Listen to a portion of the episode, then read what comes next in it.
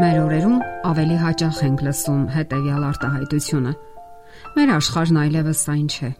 Այն չէ, ինչ նախկինում էր։ Իսկ ինչպիսին էր նախկինում։ Ինչպես էին ապրում մարդիկ։ Արդյոք նրանք անհանգստանալու ավելի քիչ առիթներ ունեին։ Ինչ որ առումով այո։ Մեր աշխարհն իսկապես փոխվում է։ Երբեմն հենց մեր աչքի առաջ։ Հարցն այն է, որ այսօր ավելացել են տագնապալի լուրերը տարերային աղետներն ու վթարները ու ոչ քիչ նաև հիվանդությունները։ Վերջերս մեր աշխարհը ցնցեց, թվում է հասարակ ու པարս մի բառ, ինչպիսին է կորոնավիրուսը։ Սա վիրուս է, որ ախտահարելով մարդկանց լրջորեն սպառնում է նրանց առողջությանը։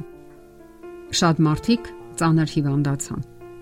սակայն կարողացան հաղթահարել։ Ոմանք ավելի թեթևորեն տարան, սակայն եղան մարդիկ, ովքեր պարտվեցին եւ ցավոք հրաժեշտ տվեցին կյանքին։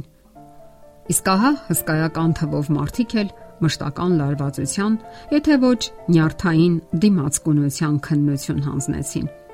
Այդ մարդիկ սթրեսի մեջ էին։ Նրանց չէր լքում այն միտքը, որ իրենք կարող են վարակվել եւ նվազագույնը ծանր պահեր ունենալ։ Եթե ոչ ավելի վատ։ Այլ կերպ ասած, մարդիկ սթրեսի մեջ էին եւ սթրեսի մեջ են։ Ինչ է սթրեսը։ Այդ մասին շատ է գրվել, շատ է գրվում։ Այն մեր դարի հիվանդությունն է։ Հայտնաբերվում են նորանոր փաստեր այն մասին, թե ինչ ուժեղ բացասական ազդեցություն է թողնում նա իմունային համակարգի վրա։ Սթրեսը պարզապես քայքայում է մեր մարմինը։ Սակայն դա նաև դատավճիռ չէ, որովհետև հայտնաբերվել է եւս մի հետաքրքիր փաստ Այդ հետաքրքիր փաստն այն է, որ սթրեսը կարելի է հաղթահարել։ Որոշ հետազոտություններ ապացուցել են, որ սթրեսը զուգակցվելով հիմնախնդրի լուծման վստահության հետ, նույնիսկ ամրապնդում է իմունային համակարգը։ Այդ նույն սթրեսը, սակայն նրա հանդեպ բացասական վերաբերմունքով միանգամայն հակառակ արդյունքն է տալիս։ Մայքլ Ռատերը հետևել է, թե ինչպես են զարգանում 125 երեխա Լոնդոնի աղքատ թաղամասում եւ Մեծ Բրիտանիայից ոչ հեռու գտնվող White կղզում։ Այդ երեխաները դուրս էին եկել այնպիսի ընտանիքներից, որտեղ ծնողները հոգեկան հիվանդներ էին։ Ինչպես էին կարողացել այդ երեխաները գոյատևել եւ աճել այդպիսի միջավայրում։ Այնուամենայնիվ Ռատերը նկատեց,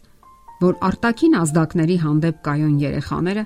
ովքեր դրական պահեր են գտել անգամ ամենասթրեսային իրավիճակում, աճել ու զարգացել են բնականոն ձևով։ Պետք չէ թույլ տալ, որ կյանքն անցնի ձեր կողքով։ Տարիները հետ չեն վերադառնում։ Այս սпарս ճշմարտությունը հարկ է անընդհատ յուրացնել կյանքում։ Ավելի հաճախ նայեք երկնքին եւ հարց տվեք ձեզ. Ո՞վ է արարել այս ամենը։ Մարդկանց զրուցեք Աստծո հետ։ Հնարավորություն տվեք նրան գործելու ձեր կյանքում, ինչպես վարվում էր Դավիթ Թագավորը։ Նա գրում է. Գիշերվա պահերին քո մասին եմ մտածում։ Խնդրեք հավերժական Աստծուն,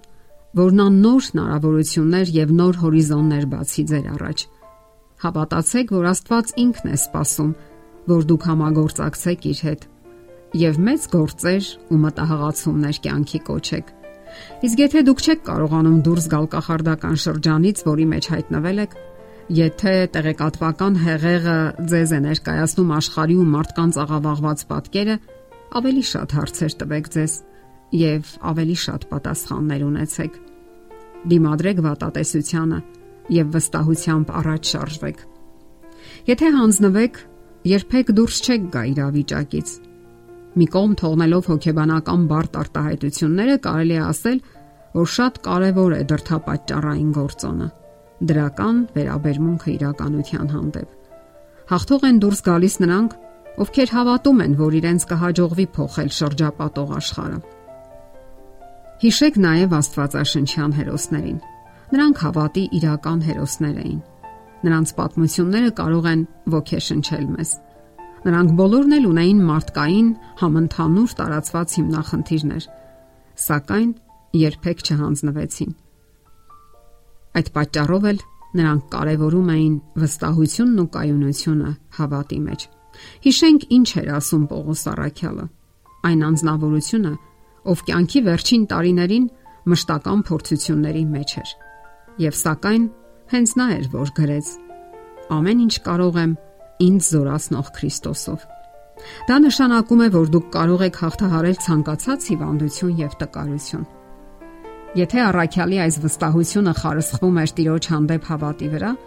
ապա դուք նույնպես կարող եք ունենալ նույն վստահությունը։ Քրիստոսը նրան ուժ էր տալիս դիմանալու այնպիսի փորձությունների, ինչպիսիք էին բանտարկությունը, խոշտանգումները, քաղցը կամ էլ նավաբեկությունը։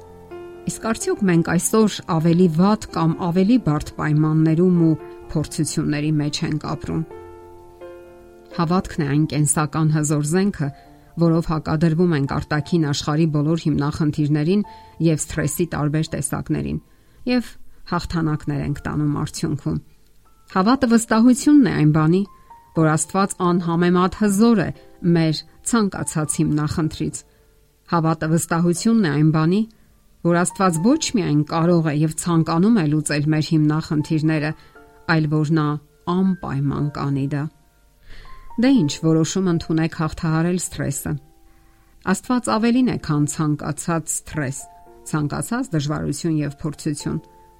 Պարզապես քայլեք հավատքով։ Ահա ելքը։